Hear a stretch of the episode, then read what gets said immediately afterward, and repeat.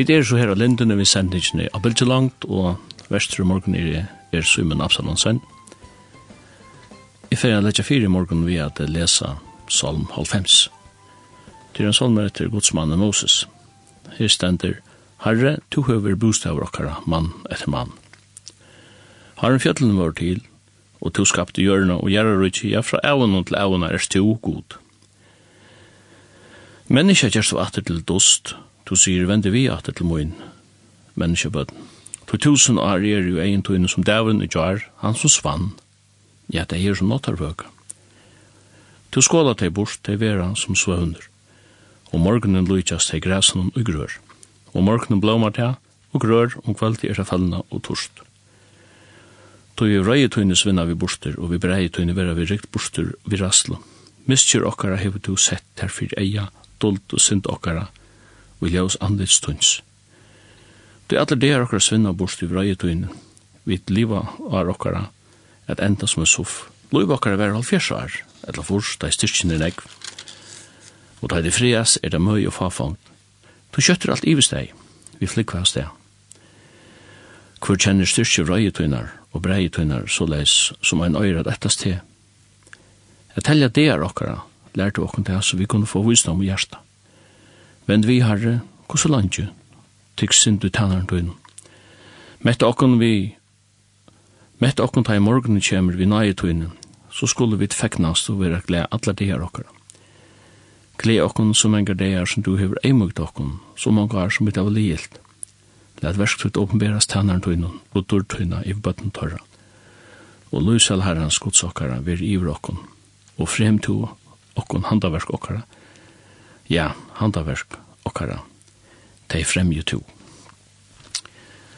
Vi fyrir nu å høyra sanjen harra god, du er navn og herra, og til vi bølsen salt.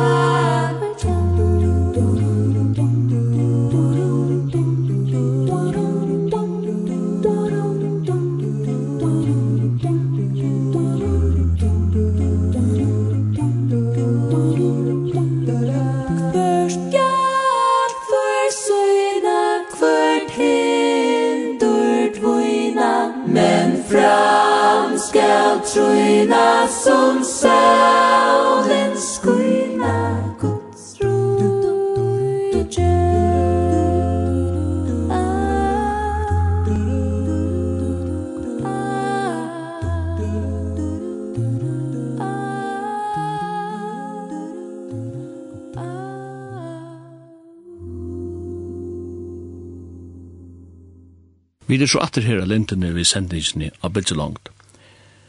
Og vi med morgen har vi finnet en gjest, og det er Preben Hansen. Velkommen, Preben. Takk for det. Det er så løy jeg har det som gjest her om morgen, tog du så ofte vært verst i lintene. Jeg var ikke helt engang prøve å være gjester før. Um, jo, okkurs, okkur løy det innslag jeg har nok okkur spurs meg om det, det er okkur vi. Jeg ringte til døgn spørsmål du er jo å komme, og du sier jeg bare noe ved. Jeg har skrivet noen ting nye, eh, om noe som man sier, data om Preben Hansen. Han fødde 46, stod etter Krukslåg i København, og det var tvei sysken, det var en syster som tvei er eldre, og det vekste opp i København, og, og du møter satt i lønnen, Han er føreska kjente, vi kjøpte vi henne etne, Det er det tvei bøtten, Maiken og Høkna, og bøtten og bøtten er fyra tale. Og hendig gjør den ekko i løven her. Jeg kan godt hoksa meg at byrja vi bøtten og er, du født vi 46 til bøtten 18 av Krukslåk, og Danmark var hersetter i fem år, fra 4 til 45. Uh, var det nekka som, som man opplevde altså hos ettervirkningene av hersettingene, ta i to vaks opp? Ja, altså, det, det er, det gjør man jo tog at foreldrene kjøren var avvirka av en sånn her setting som var av tyskene. Jeg minns mamma, hun har faktisk at strå i alt løyve vi at uh, fyrhalda seg til folk som var i Tyskland. Uh, og hei kanskje året vi kvarst et eller annet som, som ganske ikke høska men, men det la jo i det her at at onker som som hun kjente, ikke var slekt vi, men som kjente vi all var, var bliven tidsen og, og, og det var en politister som var og sendte jo i Vinaskæren som var bliven tidsen og sendte sted og kom heim som et kan man säga en, en mer som ett la fyra. Det var så som sagt, og pappa min, han var, han var sinte involveret i menneskene, vi fick unga till Örla Vita vämt. Det blev kastla att han var vi i uh, vaktvärne. Och vad det var det mamma ville stå så när kom här till er. Uh, men uh, han var, var vi ju onkor. Onkor som, som var inte dolt. Og det skulle ikke stå så sånt. Og så Russland. Og så, ja. Uh, det skulle bare ikke ta som vi prøver i flere ferier som bøtt, men nei, nei. Det er noe, det tar så vi ikke om, det var liksom det som, som la ut. Så man, man merker det godt at, at det er vær i generelt vil si og i, og i mitteltegner at sent det av. Ja, det er ikke for jeg kan si at tysker het, det, det vet jeg nok det første året. Det er mest man er, det man vokste opp. Så tror jeg det var en tabu? Ja. Ja, det blev det faktisk, tog jeg. Det var en at han har krutset for hentet så rævnek til ting som, som gjør det at, at uh, men pappa min, han tog og kom uh, nok så ofte han er ute i, og i Ryvang. Ah, ja, her som avrettinga. Her som avrettinga steg i vår, vi var flere før han ute, og, og vi skulle sutja det her, og han forklarer og hvor det steg i vær, og, og hva var færen fram her, og, og det var akkurat som han ville gjerne til å vujere og forklare konsent om krutsk med han vi var her ute. Så det var, det var liksom det nærmeste vi kom på, annars ville det ikke stå sånn om, om, om, om det. Det er, det er helt han lykkes som fisk selv. At han har krutsk, det har man det som jeg kaller for. Ja. Og det blir Ja, det er en halv rustanskare dømte til leia. Ja. Kan ikke passe her alai, og han sa han sa så er det sa for sammen, han og han sa han sa han sa han sa han sa han sa han Uh, det er halte dette vær, ja. Uh, jeg mener det var her ute, det, det er jeg ikke helt sikker på det, men det halte det. Men jeg kan si at jeg blir noe av sakene, som blir dømt til det, ja. Jeg må si at de som ble dømt nok så stort, at man kunne ikke til å bli herrest men ja. var som tog i Jackson. Så fjerde er det, ja. ja. Det, det kan også si at hevndar horen i vår rådkjøhalt inn, og inntil damerne i rett og slett. Jeg halte det, ja. Det var eisen, det politiske jeg var jo eisen en øyelig oppnutsk tog i, altså kommunistaflokken fikk framgång da, og det var nok tog i Nekotheim, hei jo vært vi i motstandsrøslen, og var kjent folk, mitten manna. Axel Larsen? Ja, mitt Axel Larsen, mitt Anna han, og, og Nekonne, eisen. Så det første vel at han at han krutsk ta, ta, fikk kommunistene stor framgångt det fann så borste sett när vi tog det hände sån ett kärligt ungarn och allt ungarn med ett annat där där skrattna det liksom ja. Ungarn var sex allt rusant ja. Och ta då sagt nu nämnde Axel Narsen han han han skiftet så givet gjør det socialistisk folkeparti. Ja han stod nej faktisk. han stod nej det ja det gjør han ja. vart att någon ja. Ja. Han sier at det var det som han det det Russland han kjente, det var ikke det som han så han av i 6 Og han tok nok snakkar hemmelig, det var grøvna, sier man. Ja, man ikke det. Midtlanda kollegien, så han kom til kollegien. Ja. Han Arne Munk som, ja. han blev faktisk tidsen i Moskva og enda under utrensningen av Stalin. Ja. Tredje noen. Det var helt uhonarlig. Det visste Aslarsen, men han var unga, det fortalte for familien ikke Arne Munk. Nei. Her er så nekk som han kunne... Ja, her er så nekk, og, og, og, og, og, det var forskjelligt så som som jag minns vid vid Kea om såna ting som uh, skåthål i vetchen som som än var i öknen här eller här som vi bo här var forskjellige skåthål i vetche forskjellige det var ju drama för små drönche det kunde vi så här var alltså här det skåt alltså sånt ting Hver vekst du opp i København? Indre København? Nei, dette var, vi bo i den nutja bojaparsten som tar vi nutja bojaparsten, Valby. Uh, det var liksom utgjeren som han tar, nå ligger det jo midt i noe. Men uh, bare tog han fire her som vi bo Vi kvar ikke slengt av sykle, så var vi så var det liksom ute og gjøre brukjøtte ved kotten og marsje og så var det. Ute på landet? Det var det faktisk. Det er jo alt bygd, alt. Lång, nesten ut mot Roskilde, alt som det er. Nu är det ju känd i Köpenhamn, jag känner bättre i Aarhus, men Valby er til, til Vestanfri. Ja, det, det er Slugskæv. Det er stendt... Uh, Frisbergs lange vest. Ja, det, det lange vest her er det sent, ja. Og det var utenfor, det var utgjørende på innotan. Ja, det var faktisk utgjørende, ja. det var det, ja. Så, men det var alt nøybygd, og at man bygde på å bygge her, sørste 13 og halvt, og så... Ja. Helt avfram. Det fortsatt langt, langt, langt vestet. Yeah. Man ser ju i havn at en kjønnergrunn som ble bygd, har laddat lengt utanför bögarna i havn. som yeah, yeah. det är det samma som händer alla ställen. Nej, det är samma, ja. Men uh, var det så nytt på du här ute? Ja, det var det. Var, vi flyttade in uh, um, allt i bantaltarna. Mamma och pappa gifte sig i ena fjörde. Och uh, vi, det som är min stil, det är mig har bara bo här som är min stil. Och det är allt som jag vet så flyttade jag ut här. Uh, bant at han krutsk, 45. Annars bodde inne, inne og, kan man säga, Västerblik. Da man är nytt bygger i heita så faciliteter som ja, ja, som, det var ju uppbyggnar inne i mitten i Kjøbland, ikke at det? Nej, det var revolutionerande och här var bär bär och brusebär och och artikökar och så och så jag ja. Det det var det var det var ordentligt inrättat så att det santerar vi ju hur vi. Det var helt helt på topp. Det var som som vi kände det där faktiskt ja, motorn var sent över sådana, men, men annars var det som man kände det där.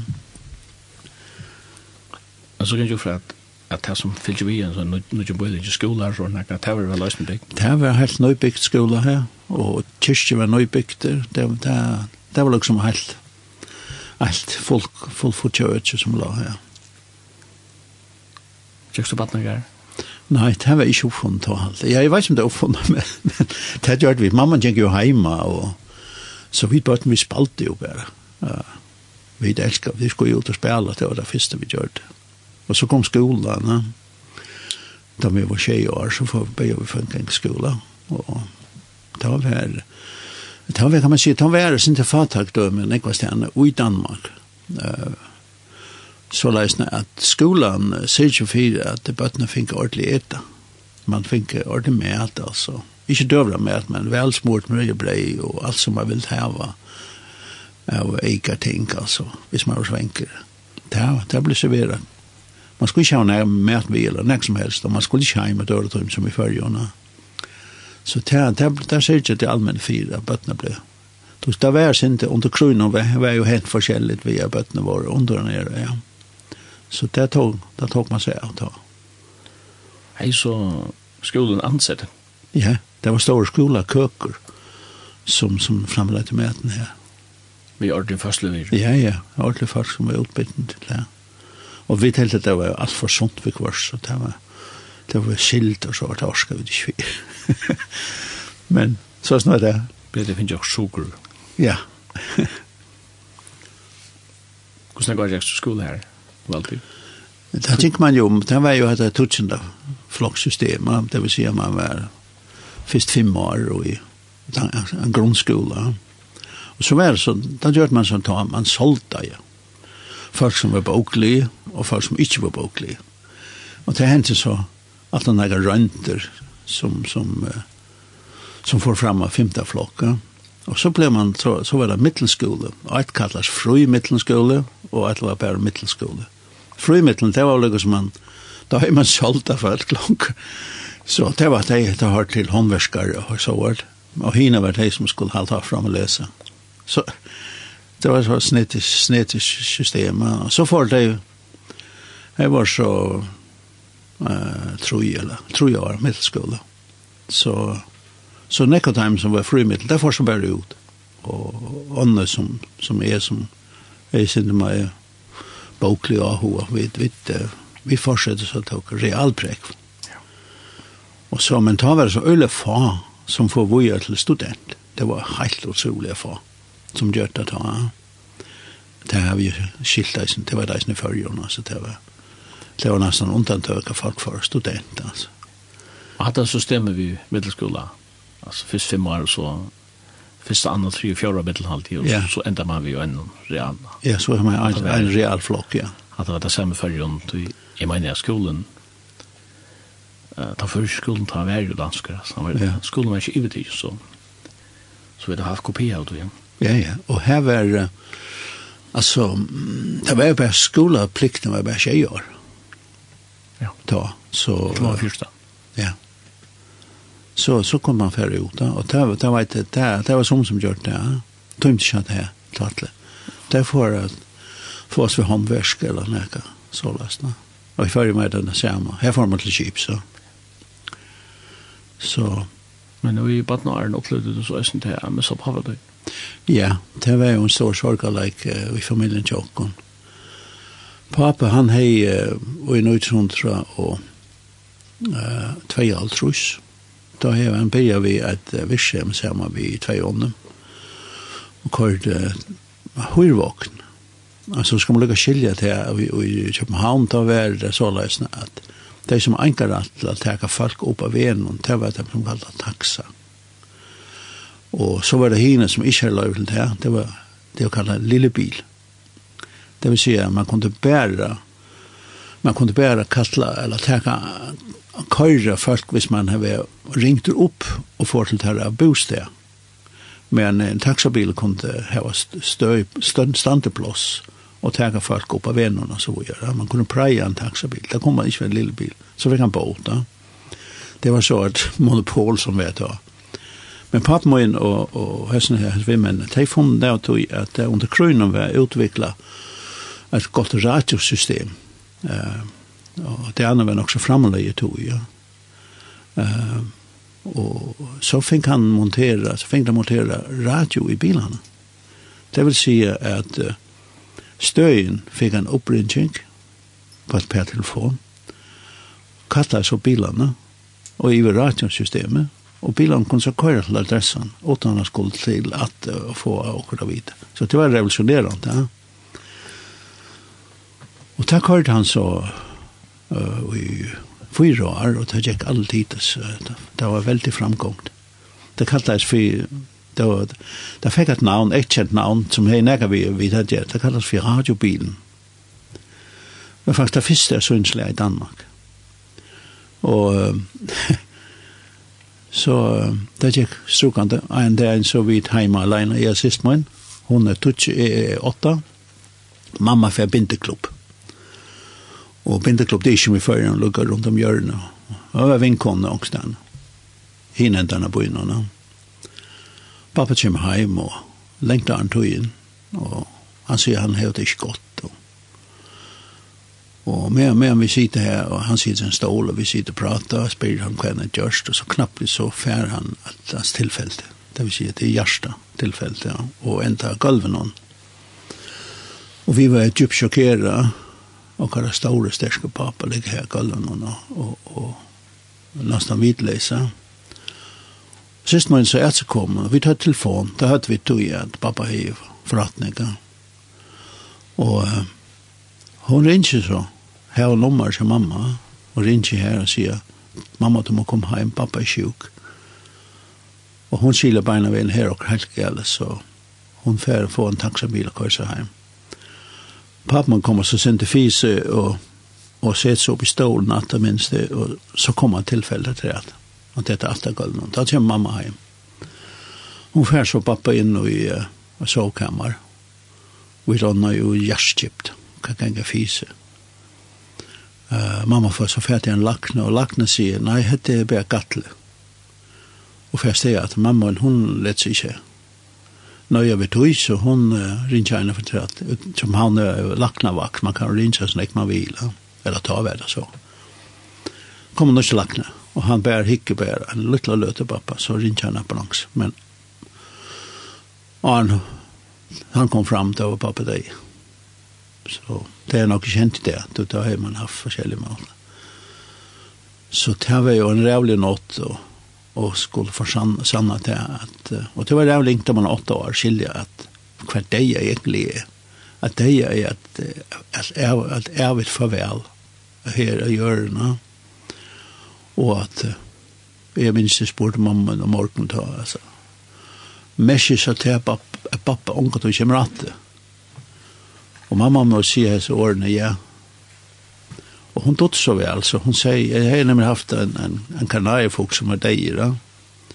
Så sier hun, Preben, det var akkurat som kanariefolken kjent her. Kom helt i kjatt. Og det kunne liksom feste meg vi, ok, alt er deg. Og da blir det gang opp for meg at, at uh, hva deg var. Og det var det jeg vet for vel. Det var avvirka sjåna, barndom til meg og til sist min.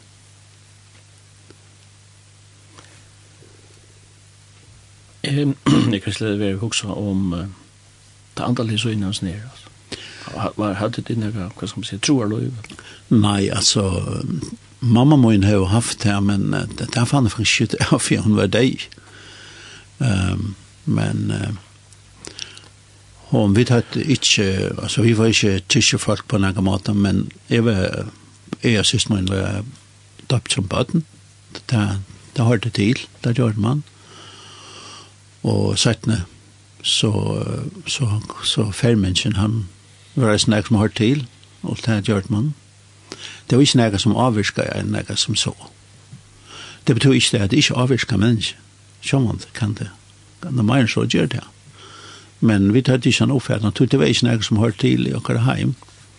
Vi tar ikke en bøybel eller noe. Uh, det har jeg ikke lyst i bøybelen da, slett ikke. Akkurat och kunde vi fem så man det vi vi lyser det det det det är visst så ju men det blir det blir några bön nej det är nästa jo vi bor kvällbön med mamma mamma bor alltid en kvällbön då har man det att kan sova. Vi falt i händerna och så bor mamma en på bön då pappa må ju vara färd till Gärar och mamma må vill inte vi skulle vara vid till eh bara i kapellet men inte den stora Gärar så då Da det var ivist der vi var kom heim til åkken Scholz, og lukker som tenkene i sottene seg. Så det kvalt, det første kvalt vi kom heim, så sier mamma kom en sier godnatt bøten, så sier siste min sjåan til mamma, skulle vi ikke bia kvöldbøn? Så sier mamma min disse årene som sjåan til, jeg kiler henne så vel, hun sier det. Og hun sier, nei bøten, vi får unga tog at jeg bia til en god som er så ønter, at han tids på applikkere. Og det har sett sånn han nøkker spår. Vi tar så ikke gang om det, siste mine, tog det var så, jeg synes det er sjokk for åkene. Og det var akkurat oppfattet at god vær, altså en som råtte, i vil løy og deg, og han skulle man ikke komme for tatt på. Då man visste ikke hva for å hente. Det, det ble akkurat oppfattet. Og det var ikke skje til det. Ja, du, var, det var åtta år gammal ta, og systeren er hva, Tutsi? Tutsi, ja. Og kom og konfirmasjonen, hun kommer som du var skjøttene? Ja, 14 år, ja. Gikk du ikke prest? Jo, jeg gikk prest, og det må jeg si at jeg var for nek var og, og, og, og arste i bøten, så det var ikke lagt jeg prest, at uh, Halta kilo. Få nek inn i høtte okkon, altså. Det var, det var drønnsjø gjente sammen, og det ble bare et og annet arka og så vidare så det var synd i at, at Røyna att röna inn i njöte och Men du är så tog jo her i skola? Ja. Och tycker realskola på? Ja. Vad hände jag av det? Ja, som jag säger Jan så var det faktiskt också ovanligt att här studenter. Men jeg fann det att uh, att uh, støttfrøy var faktiskt något som låg också väl för mig. Så jeg får så et skai, fire kjenga skai til at til å komme inn og, og, og lese versfrøy. Det var så tvei år skai som var en kombinasjon av praktisk, praksis og, og teori og skola, og en tekniska skola, og så var man ute et år på imiske virse, man lærte seg imisk praktisk ting og mannangongter og sånn. Så kom man som kom og søkja og kom inn av skola. Var det lov timberarbeid der ble vi? Nei, det var, det var meg og omsidning av sugene. Ok. Man lærte å tekne, og man lærte at uh, gjøre uh, kalkulera nøkter og forskjellige sår da, som, som har. Så har man nesten et, et år. Um, Først har holdt år, og vi er teoretisk undervisning, vi er meg størst fløy og forskjellige sår. Og så var jeg et år praksis, og så endte det et halvt år i skolen natt, skolebanken natt det var så et ergangsskei, som man kunne søke å komme inn og, og inn og versføringer. Så det, det gjør det så, og, og søkte inn i uh, en skola i Horsens, som kallas Ingeniørskolen i Horsens. Og her, um, her var så fyra år skei, for at uh, for så det så et bachelor støy eller, eller sinte her, eller det er ikke akkurat, du kan ikke sammenblikkene det der, det er sinte i middelen, bachelor og master. Det er så fyra år skal ja. Var det det som man kallar Horsens Teknikum? Ja, det er det fyra. Så ble det døpt om til uh, ingeniørskolen i Horsens. Ja. Er det nek føringar, ikke? Det var føringar her var folk i Russland uh, og så, så det var vi sinte bronklet mal, hvor det hørte man av gansjene, man skilt ikke hva det men ja, Men da du bo allt i København och knappt jeg først i Larsens altså. Det lå väl fyr. Det var ju si at det är nog noe kultursjokk, du då stadig i Danmark men du fører vest, uh, väster om Lillabält var det var det sen där kulturell bröding. Nej, det var det tog, att det är såna åren att praktiska det är fortalt om att det praktiska året som fyra tjänsten her. Da är jeg faktiskt inte i Jylland och och och og eisen og fyn og så. Det får sin rundt ved det firma jeg arbeider fyr. Det er virkelig avhåverst. Jeg tror ikke jeg må ha noe det er. Så det lærte jeg rølen ikke. Og her var vi vant med vi det sønne og jyske og, og så var jeg det fynske. Det er sånn jeg synger litt på fyn, du vet. Så det var, jeg var vel, vel akklimatiseret til å komme til Horsens. Og det er det med Kimra, ingeniørskolen, så, så er nærmere ur sikkert ur alle landen. Ja, det er det faktisk. Ja. Det er alle dialekter blant det Ja, altså skolan er nok så godt omdømme. Uh, det er han tog. Jeg vet ikke hvordan det er, men, men uh, det kom faktisk uh, nærmere fra alle landen her. Ja. Norgeland og alle Sørjylland, alle stedene fra. Du, du gong så her, du er i 17 parten trusjen nå, Ja, det, det er fra 6 og trus til, til halvfjers, det er fyra åren her men hese hese Arne fra 1674 er ehm det hendte jo nekk ved Danmark også nu, det er jo Arne. Ja. Det er noe utviklinger. Ja, og det var, det var sånn at her uh, ung, man kallte det ungdomsopprøret, det det var jo 8 trus. Beatles ble komme fram, vi øvelsen tonelike, og det ble mer provokasjon, det unge provokerer mer, så vet man, det ble mer det var säga det tar sig mer det det var det var mer öppna och det var mer och kanske provokera den äldre generationen synte vi visst ne? det var till till att han tog in åtta trus generation ser man ofta ne? som mest väl en flower power och tullekom det har till den den tog in ne?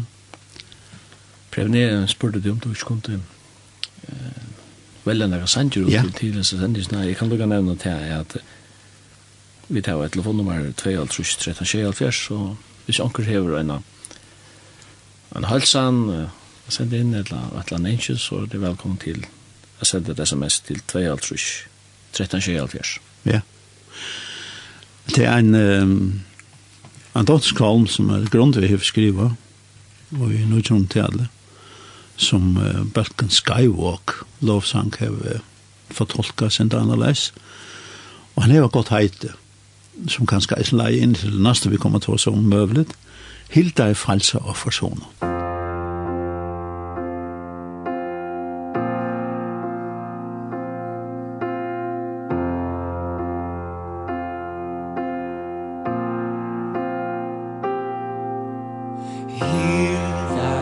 Frelser og forsoner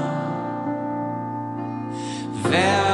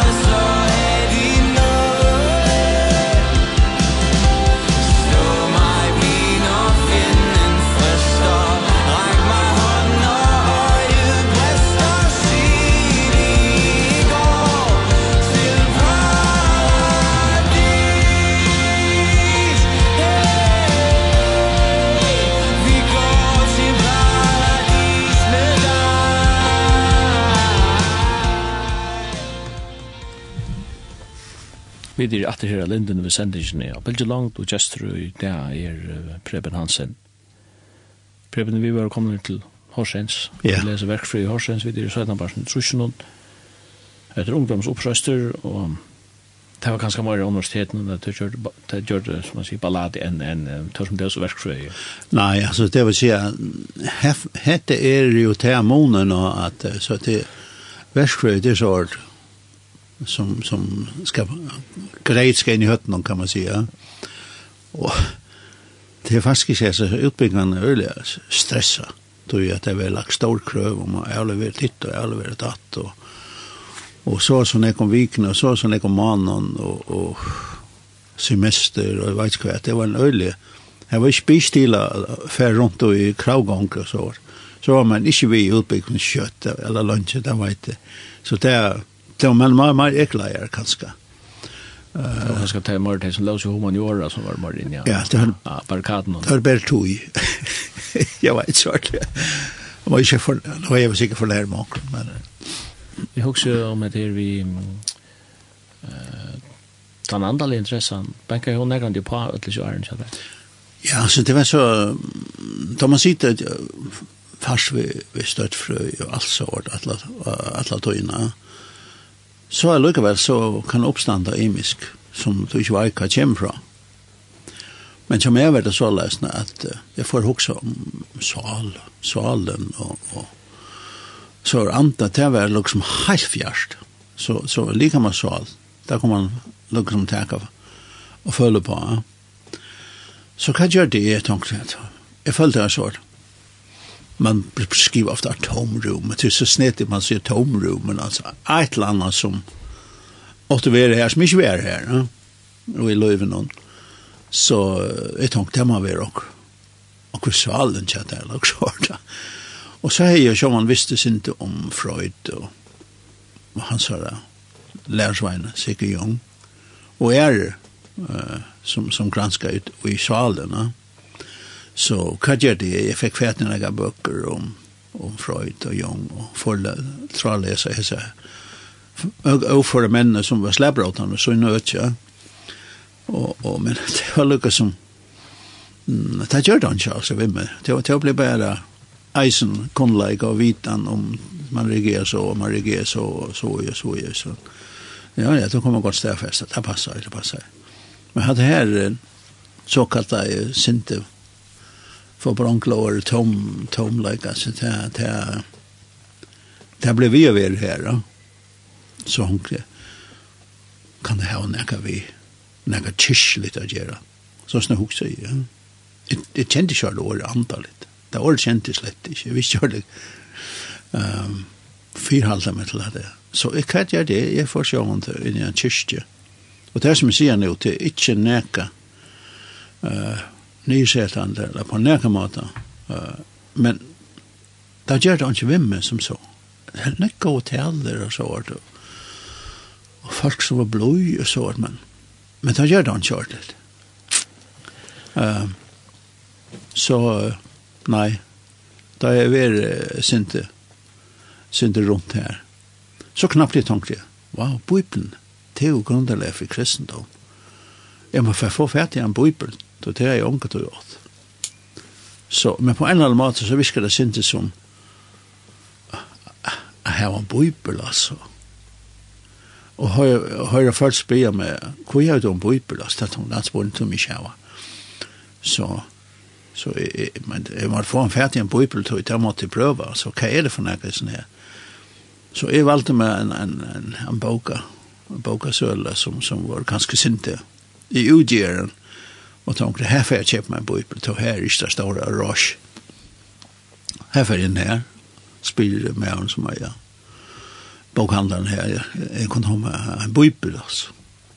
Ja, det er mange slags bibler.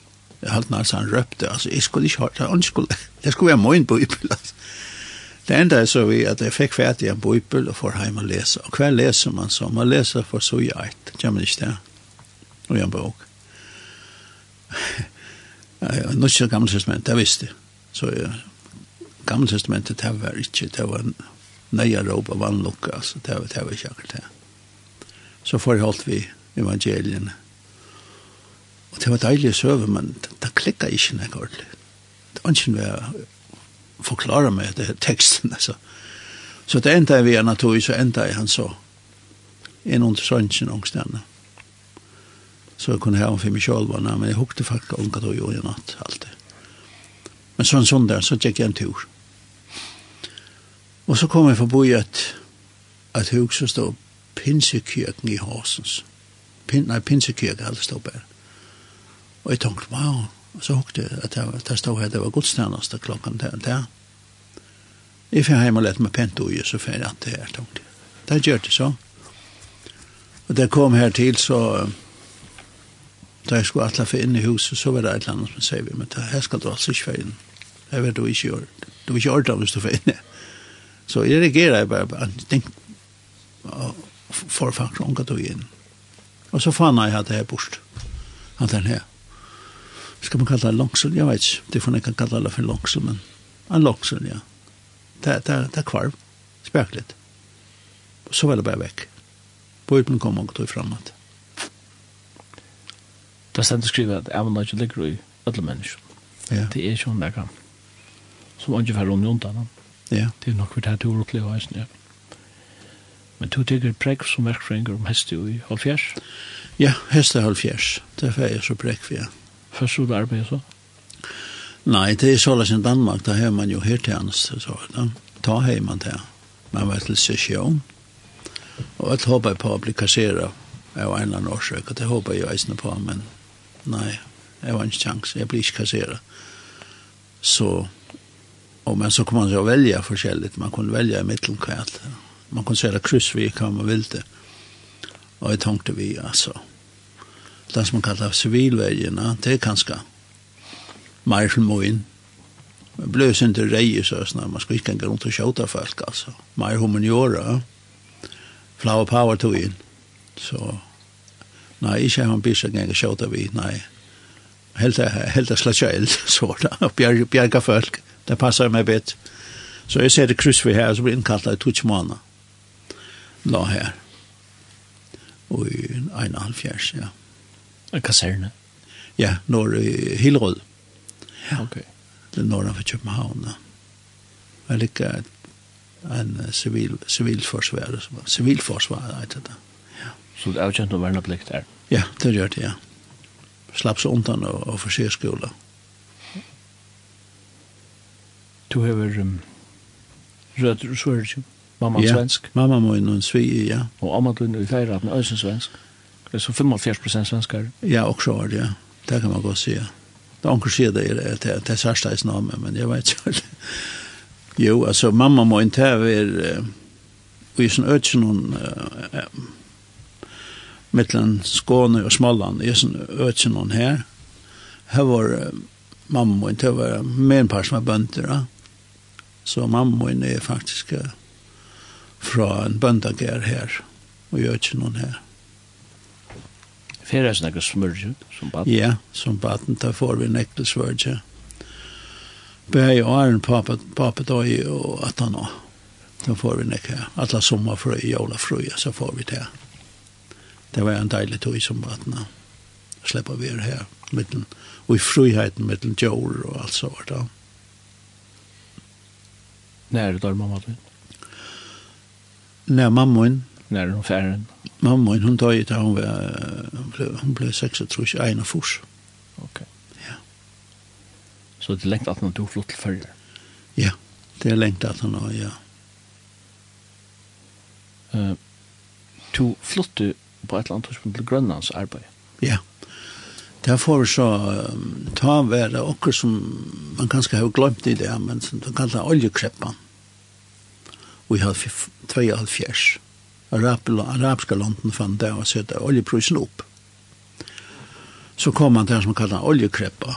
Og det rakte jo det danske, eller alt samfellet, en øyelig harsht, tog i oljeprisen ble så høver, at uh, nekva bitching og så stekka jo opp.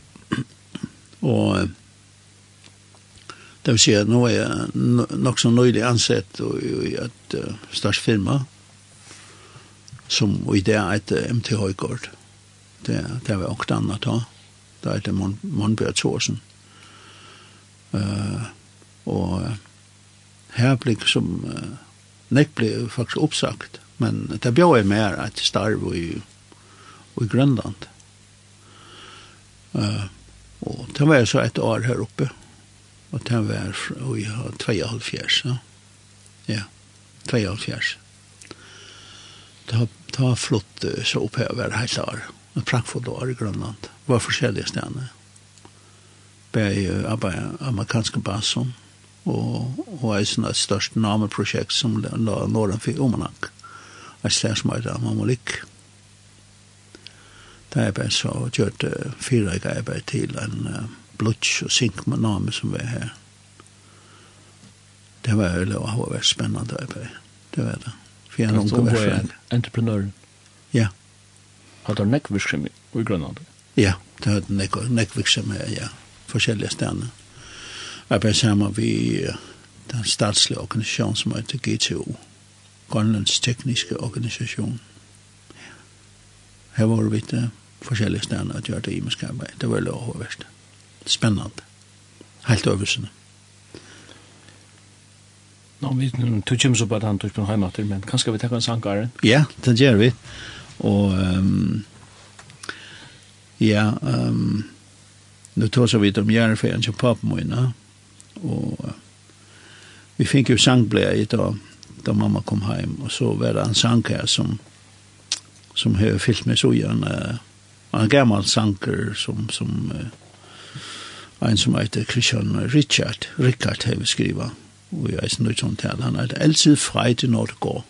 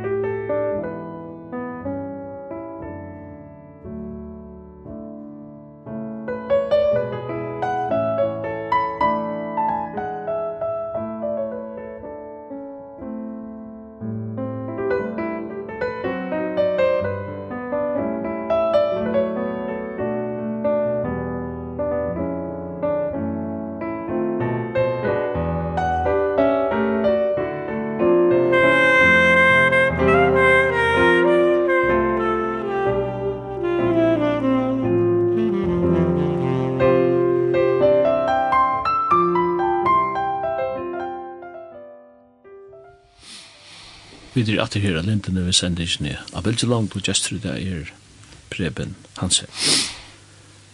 Vi da finner jo et uh, bønnerevne, og her er en som ikke forbund fyrir av en mann som skal skolvidja seg der for krabba meg. Det ja. vil jeg så bia fyrir. Etter disse sendisene. Ja. Preben, du uh, nevner at du var til Grønlandet, og ja. her stod du knapt var eller her till till en fantastisk störstlig natur och rättliga ims från den danska naturen så. Ja, det var man också. Sätt sätt det där gång vi har man. Ja, det var ju det att kvar man har en frilöta så så får man upp i kötten eller gänge i kötten grön. det så bo i grön så då var kost det. Och så ringte opp som man kunde vi vi som man sa og det var fjör och jöklar och inlandsisen altså, som bara lust kvitt som en lanterna att han fikk här. Mm Og det, det var man sett seg nye her en stein og, og, og sitte ikke sin til vi fri. Ofte når jeg ikke låte Norrgrønland, det, det var pura, pura stilt. Da, da, da liksom jeg sier, så kommer jeg sin tankene tilvilt. Nei, nei, det er ikke tilvilt. Her er et eller annet. Selv om du som uh, versfrøyng har du en geologi og tøylokken som, som har nekka tøyarokninga vi tanna han tuja rockning tatt je tuja så och så är nekva tuja som som sätter årstal på allt möjligt ja. så lägger väl så så nej är det alltså ett land här som som du inte finns färd i så att han spårne som kom kom framåt ja. utan ta att uh, han blev svära men han var här och la här uh, latenta boja på att få svär Det man sier, det, det, det var et utslit av gammel Grønland. Jeg pleier ångt å sagt at uh, det var nok nøy ikke god å sende meg til Grønland, for jeg vakna meg, for jeg vet ikke meg opp at men det er kanskje for nek sagt, men, men også var.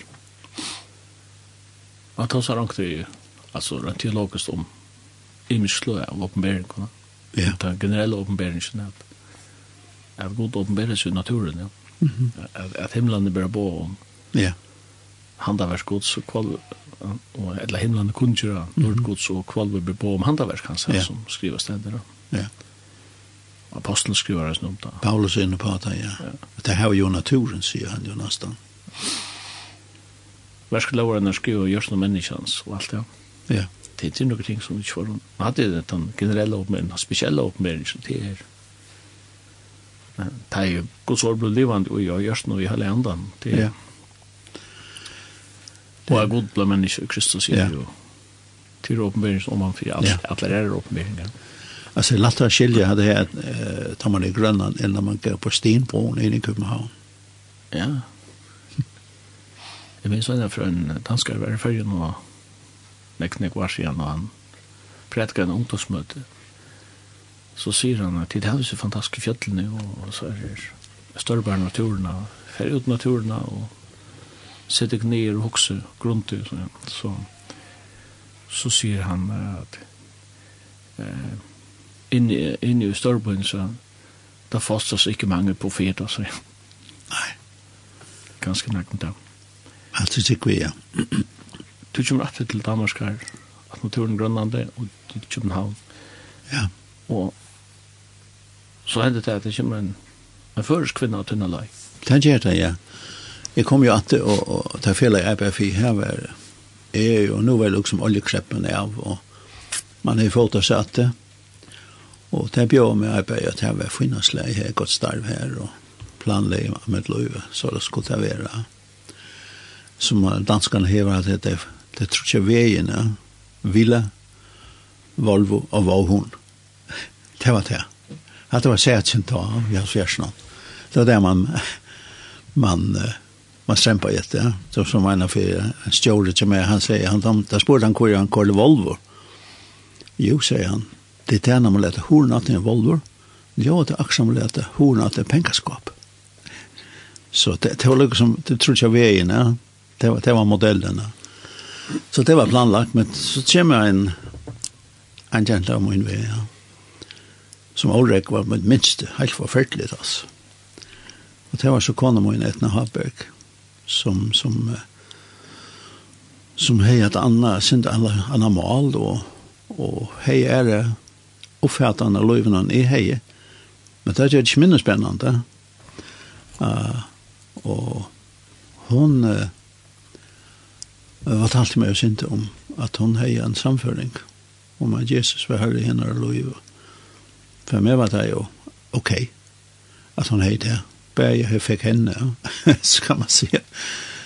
Det var... Så måste hon behålla sina trygg. Hon kunde behålla sina trygg. Det var lutsande. Det låg ganska flätade sig inte ut, men det kan godt se det lykka väl allt det allt. Att um, hon kunde ha som en sån politiska flock. Jag kunde ha min. Ja? Näka så lösna. Så som jag tankar konken kommer med. Men jo mer hon fortalte meg, jo mer forstod det ble vi og i måned, trutja veiene, det ville var, var hun, av Volvo. Uh, jeg vet hva jeg alt det rette. Og hun, uh, hun får så godstjeneste, eller som føringa kallar det ofte når møte. Og dra med vi uh, til sånne. Og jeg får vi. Det her skulle ikke standa av så i formøte. Og her var så en, en som vi avhylte i, i København, og det var en, faktisk en organisasjon som vi så fann det også var, det var Operasjon Josva, som hei nøyga ut evangelisk tiltøk. Og her var med oss Marino Lange, som prata, eller som ikke prata, han, det som vi kallar tala, han pratika. Og Jeg halte det helt hundar som er, han, han visste ikke om meg, altså. Han sier at men var ikke støv. så det ble enda ble sånn heit inn, så jeg hoksa meg, slepte ut om, altså. Men jeg slepte om dom, at det blir stil, det er. Han rekker, han rekker fortalt, han kom fortalt på, at det damp mye. Så, så tog imot system ble forstyrret. Så, tanken skal bare, bare komme dom bare vekkfesten her, så, så latt han truste at ja. man kvar ikke visste det var at det ble bare verre. Så spårningene ble bare større og veks.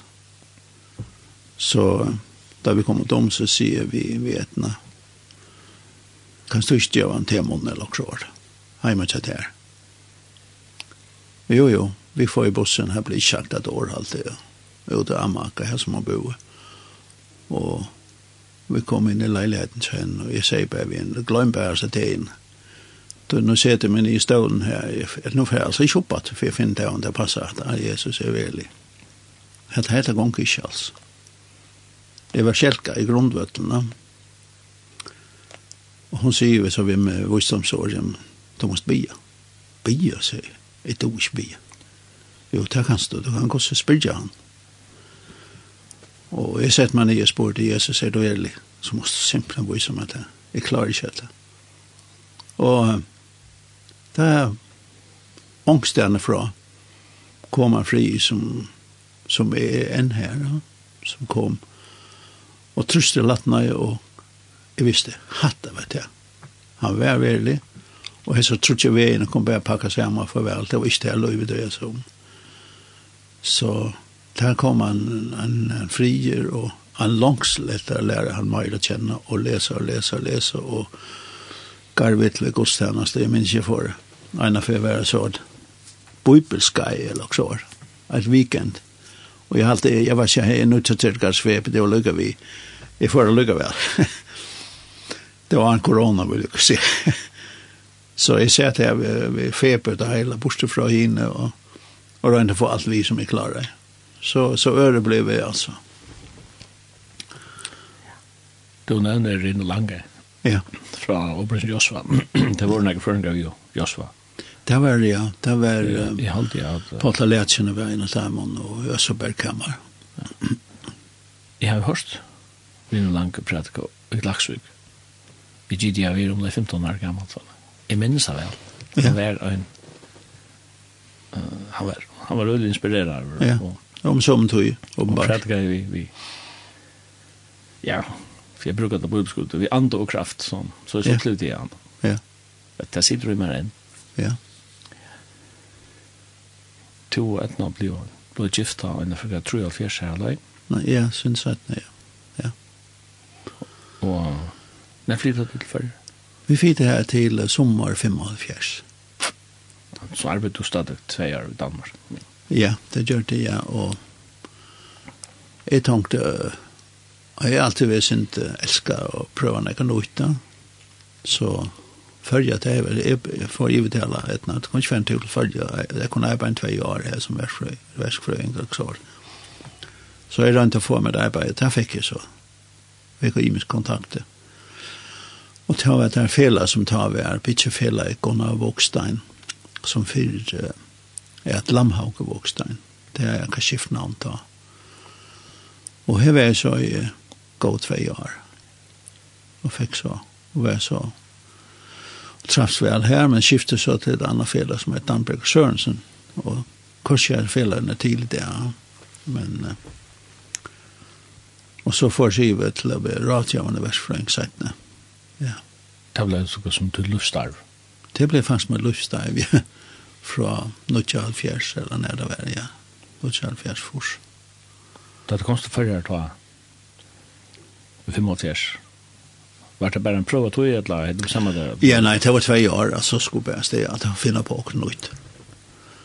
Ja, det var liksom det, men jeg, jeg ble hengende, altså, jeg vet ikke. Men de så vel før en gang. Det er så for vi fint.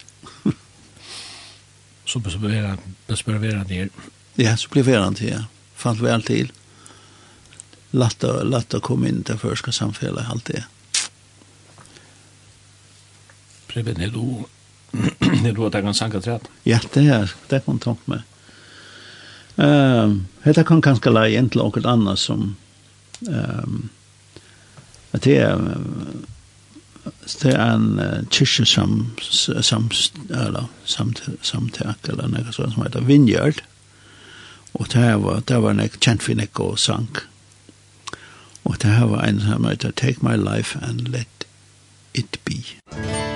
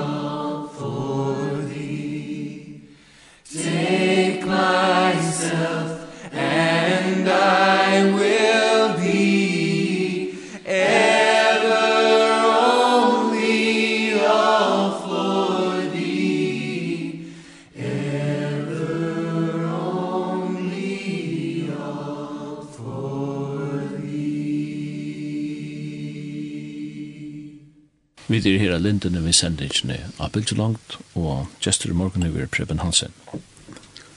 Vi er en halsankommen, og her stender godt å høre at jeg kan bo her i morgen. Takk Preben for ditt avtrettelig arbeid i lindene og kjøkkenen så nekvar. God signing til Tøyn og Tøyna familie. Det takkar vi for, ja. Ja, det var glede. Ja, det var jo vidt å stå noen lindene, sammen med Øren Gåen Krefton. Ja, det var jo et, uh, et lengt at tekk vi strøy faktisk, tror jeg, for det første av etlem og, altså, det var jo Lovaheimen til var ikke i leie, men uh, nøkker gå med en tro på det her, at uh, og be jeg faktisk helt at uh, tutsi år Arne Linder med velage at uh, søkja landstyr om uh, løyve til at uh, senda nærvarspa, og det var sånn det, så det ble sendt imisk brøv og svær vel å se om å sjå, sjå om hver fer, at uh, Lauheimen var ikke fint høy. Så jeg kom husgått om, ja, men uh, utenfor jeg sendte, om, eller, sendte ikke om notten, uh, og, og vi kunne sendte om notten, at det var, det var kursjon, det ser man svære. Og Lauheimen, det er ikke fint høy. Det visste man godt, men det ble sendt brøv. Og Her var noen imiske menn fra imiske samkommer som, som, uh, som skriver om det hver fer. Og, men så lykkes som, så kom uh, monopolet kan man som eller enkaratten han blev blind av det blev sin til tog det politiska systemet innan blev eh uh, ahua det kanske vara gott att det kom okkur anna så här var en nämnt som, som blev nysett og uh, och men först var det ju inte meilod för det uh, och Men så skifte nevnten, uh, alt var nevnta for meg, som knappt skifte kurs, og knappt var meg lot. For, for at, uh, at det her skulle avtakast. Einkaraten skulle avtakast. Og, og vi søkte beina veien. Fyrst var det rundt, um, fyrst var det rundt ved en fellesskap, vi flere samkommet. Og man skulle gjøre en sånt mål, og den fortsatt bilen skulle bæres og sammen, men det rikket ikke ordentligt. Og så ble det faktisk til at en god over som, som et uh, Mike Fitzgerald, som er en holver uslendare. Uh, jeg halte mamma hans her uslendare, islendare, papen var amerikanere. Han uh, møtte jeg faktisk i Dibron og i Holland og i 93. Og i en eller annen grunn så ble vi beina ved en perleviner, og, og, og han får snakka om, nå får han bli radio i Island. Der får han bli kjøtt, og, og, og det klinker ikke med, men du har hatt det tror jeg fems. Uh, så det vil passe jo inn i hans system nå, som vi har søkt landstøyre om. Så jeg held kontakt med Lyka vi honom. Og så er det så naskast uh, at uh, vi skulle hava etter her. Så den, den, de følelsen som faktisk var uh, ordentlig brennan for det var Jens Rena, Daniel Dol, og, og så er Kjolve ved vi, sånn jeg tror man har nevnt den som, som, som faktisk blir vi av, av penger på horene. Og her ble jo uh, Mike Fitzgerald så han en stor stol til åkken. Og han var vidt til at hjelpe åkken vi kom i gang. Jeg får til Island så sa Costa Rica i her og noterer med det som er nøy ut uh, konleik om det begynte at AH, begynte for AH for radio. Fikk så sendte løyve i uh, oktober måned, 1995. Og radioen her sendte så i uh, 21, 21, 22, uh, januar. Og 2000. 2000. Ja. Og så sendt så igjen. Uh, 8 og 9 jeg minnes som jeg var av grunngjøring for ikke at at at at grunngjøring for at var det monopol du ikke enda tega var men men jeg råkna oss vi mann jo ser hva vi er til Ginchi og i heimen og vi nete noen og alt det her utviklingsmenn jeg kan jo derfor inn og vi er en internettradio og velger mellom tusentals kanaler rundt nå så kan man spørre hvordan skal man bura sin monopol og ta i ta i veren i ett öppet kan man säga. Ja, det var liksom det var sån lilla en liten bastion för monopol. Han han han lå ut i alt allt hans ja. Så alla Norrkorea. ja, ja, också hårt. Det var helt snett, ja. Och ett utlänningar spurte what? What? That's not true. jo, jo, det passar. Monopol. Why? Vi kjenner. så. So. Så det var, det var, og det er følger jo vits en utvikling som vi suttet kvar at latoina i førjene. Det var litt annet å bo i ferien, så, så det var nek personer som har haft en haft avvarskanna til lov, ganske bæg i føringar og utlødningar. Ja. Hvordan kan du ser det ment ut lov, og hver med det du til nøyga her? Ja, Jeg sier ment mot lov, altså for det første så fikk jeg jo en, en versferie som vi fikk med en, en, en ordentlig uh, firmynd, der kan man nok si Peter Haberg, Peter William Haberg, og han var jo en slåbrådande med år innan fibrørsamkommen i førjon, og skriva i bøkker, og var en brennant talar, og ischingar, og solmar, og ja, yeah, you name it. Han, um, han var jo fantastisk å kunne sitte lustet og komme tatt på. Og han var jo en, en man kan se med over st man har stor respekt för och vyring för och lärt näka honom. Og hei, han ble så sent vaik och sjuk og, og, men jeg har jo utan for at jeg kan jo vise han. da jeg vill det. og han fortalte meg litt godt og och meg av honom. Og vi tar det. Jeg halte alltid en god fällskap. Och det jag kom til førje, så det var det var lätt som jag presenterade meg selv, jeg skulle bare si bara säga sånn, Peter Haberg. Så, så var det jeg gjorde. så okej, okay, nå ja. Så, så var liksom rotta, rotta for et eller annet. Så det var ju fantastiskt. Og, og det vet jeg, så hentet her i Forsenån at uh, han gav meg som kom til følger, og han anbefaler meg, og to var en av timereisen, affæren to til London. Uh, nå kommer det å finne fors. Ja. Det var negre som førte London. Ja, vi var nægre som. Vi, vi var fyra som førte London, og opplevde en med oss som er John Wimper. Han var jo, altså han har jo en, en måte å prætika på som han aldri lov i årsfyr, og, og så beinleis, og så enfalt, og så takka til, og lykkevel, og tog det djupt da.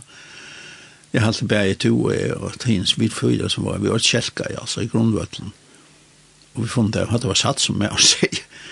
Så, så helt vi dokkert som vi skulle kanskje hitja mer ned i bøyden litt. Et, det, var, det var fantastisk. Det var, vi var sjokk, sjokkelsland alt. Jeg minns at uh, det var flere tusen uh, folk sammen i konferanse, yeah. uh, Wembley Conference Center. Ja. Yeah. Det ble veldig mye mann, en mannsmann som jeg kjenner for å hitja, så han finner på avstand. Ja blant de katt. Jo, en som platt i alle badna møte i klaks ut, jeg var smadronger. Som en hinskliff. Ja. Så, jeg får presentere meg fyrir om, så. Vi såg da nästan, en tror jag det er da, ja. i London. Ja. Det var helt spesielt. Det var det, og, og, og jeg fikk meg så heftig sinte på vinja, jeg tror helt at det her var heia en måte, og, og her var trist jo på, som var så øylig avslappet, og som beinleis, og som, øyne bøybeltrykk, øyne bøybeltrykk, sånn at, og helt nye gjøren, jøren, det, det var ikke skum eller nægaslega. Uh, det var fantastisk, og så jeg enda jeg, jeg familien enda jeg i USA, og, og, og i samkommen her som, det gjør som fanatiska, men, men det var bare så størst, og, og, og bøttentjåken hei, så stoppet det å prøve å bli Disneyland og alt det der, ja. Så han er en, jeg vil si, en stor tutning for, for meg, og, og tykker for nekk folk altså. Det, det ser man jo. Og i det er Vineyard Churches, det er en uh, hälsomfattande uh, organisasjon. Jeg vet ikke om det er organisasjon, men, men kyrkje som er alle möjliga stedene i verden. Ja, og en er i Köpenhavn. Det er i København, og er ställen i Danmark alltid, ja. Det Jag kan säga att Los Angeles er nok så, kan man säga, så det er devotional. eller? Ja, vi tar det en sang her som er tarra. Mm Take my life and let it be. Ja. Jeg minns veist fra turen om i London. Vi fører en tur om en uh, innen en forretning. Og du skulle kjøpe konen til deg, en trøtj. Jeg så han til, ja. Og det tok sin tog, og den ekspedienteren, en eller damen som ekspederer det, og hadde diskuteret sni og minster og alt det der. Og det tok sin tog, og så skal man også falda seg ut til enska. Mm -hmm. det var sånn jeg selv om vi nere uh, faglige uh, utsiktene det kommer til Trøtjer. Ja. Men lendan så lendan hei preppen bestemmer seg at det heter vi rast Trøtjer nå. Det var så gjort han skulle så nye en plastepåse eller hva det var. Og så skulle det betales. Ja. At, at han har nekstrøy og at det er sånn målslige barrierene som vi sier. Mm så spurte du hos damene, uh, are you from London? Så sier hun sånn, nei, sier hun, er, I am not English, I, I'm actually from Copenhagen. Så Preben, så kan vi lige så godt snakke dansk. Ja, yeah. det synes jeg også, vi gør. Men jeg har hatt noen klokt om at det her, uh, yeah. jeg vet, uh, samskiftet vi godt. Ja. Så jag tänker ofta mer inn i klienter, ja. Ja, så är det det. Du ska så det ska då også se oss. Ja, at det går hand igen, stuttligt. Men nu sitter man så här att han har ödligt år och tog kom till färjar och i 5,5 5,5 Ja. Det säger att han nekna största parten av löven är då Det är faktiskt vi i färjorna. Ja. Kjellkant. Och köttet är inte. Ja. Då är ju gång tjata med rockna vi. Ja. Jeg har ofta møtt folk som sier at jag har jag har pratet med prepen och så. Så jag huxar är det eh uh, vad ska man säga hyrat sånn, følg du til til noe som er til kallet eller hva? Ja, alltså det är fann ju det var god historia av ha med. Eh det fattar jag kört lite. Och alltså kvätt är god för och om han ja, ja först och främst han hyr ganska. Och eh, det är kunna prata med folk och lusta, sälja lusta. Och kanske kanske hvis man får en vedlæring fra Guds heilige anda, og kun gjøre dem et eller annet et godt råd av vennom. At det, det alltid for meg det er fantastisk, og i morgon eh, stod jag bojade bussen så kom han en tenta här. Hon skulle inte vid bossen hon kom bara gängar på boja. Hon sier till mig ja, hej sier hon. Och och hon var en sån som jag pratade vid en affär om ett annat. Och, och fantastiskt så hur glad hon är och, och, och hon spurte henne en till forskjelligt. Och hon sa ja, hon heter så gott och fantastiskt. Jag tänkte, wow yes tungt at jeg har kanskje vært vidtlet. Det hun har lov til å skump lov til skumpångstene. Og jeg sa hvordan glede hun var for jeg suttet med, og jeg, hun sa garanterer meg hvordan glede hun er for jeg suttet henne. Og det var en et lite, et eller annet, lite samrøve angstene. Som, som, altså for meg betyr det så det er hun kan komme stola folk og, og det her ganske løftstrobeleika og og hva han nå annars hever strøyast vi.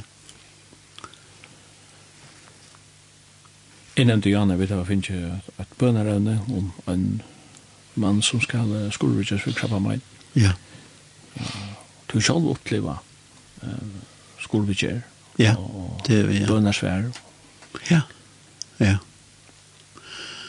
Det er, um, altså, sjå man har vi ytla bi for folk som har finnes jeg bønersvær og og sjálv har vi jo eh jag sjuk eisne mest så gott snäver och på en helt sån måte som jag kanske inte ska fänna här tror det det kanske var länge tog i mig men det är att det går kan möta det här som du är och en så kan stöva du i synes at du føler at du har mist vånen att nu är ungen vever att det Jag kan gå komme og benke på um, um, og, og, og, og møte det om han grøyte eller laknane grøyte eller kvært, eller to ver ukka og styrst og du må fære færgjøkken en skolvidger eller du må fære og gjøkken en relativisering eller kvæt og fære færgjøkken er godt at hun er godt å vitte, at han er her. Han er veldig det er jo fantastisk. Og så kan man liksom så at det er jo hørst å si at så kan nesten gjøre det samme på god i vem ja. Eh på in och så var det minka. Eh da hur snäver komma tatt på det. Eh och han sier att du ska göra med så så wow. Han är han är tror med, Ja?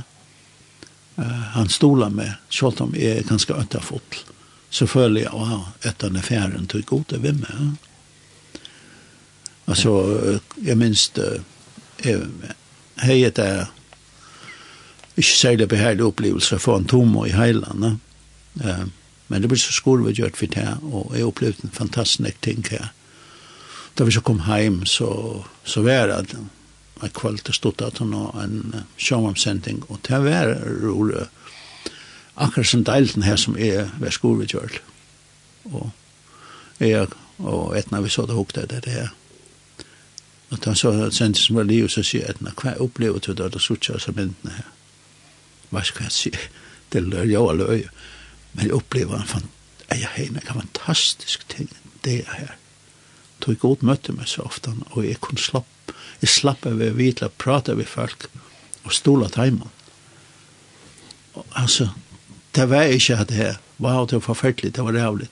Tog god til å være med, og stola med ham og så og så kvar for joken så det upplevs bare som och sen då sitter nu her då så vet det jeg att at det så en helt fantastisk som jeg opplevde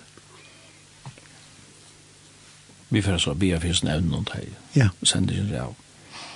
Preppa vi kunde färre öl och ja. Ja, det kunde vi ja. Färre då som mäktig kvart men tog ju någon uh, rädde från. Ja. Vi går så tacka dig hjärtligt för att du ville komma här i morgon. Ja og ikke det her utsikning og alt godt till til, til och og tøyne. Kanskje du har en sang som du vil välja. Ja, nå er det til at mamma min, hun er jo ur svørelse og eisen om mamma min. Så jeg har faktisk funnet en sang som, et, som jeg halte er høskant for meg enda vi her. Jesu namnet over alla namn. Og det er det som fører fram til at det er gemenskap. Mm gemenskap, det betyr fellesskap, å være sammen. Så han kallte vi kunne enda, enda vi Jesus namnet over alla namn.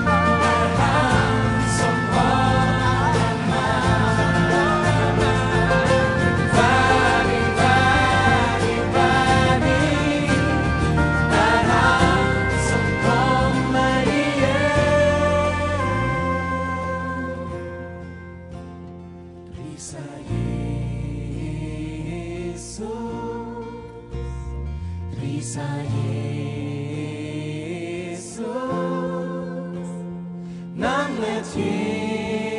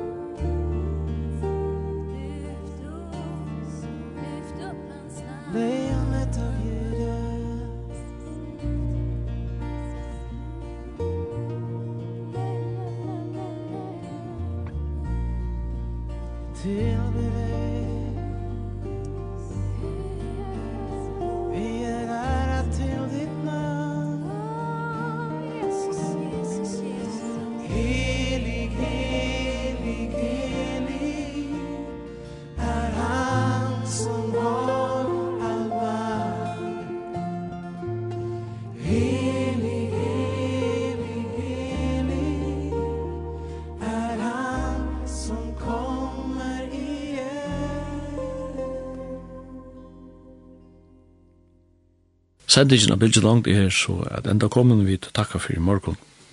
Vester var Simon Absalonsen, Gjester i morgen var Preben Hansen, og tekniker var Jekvann Sone Danielsen.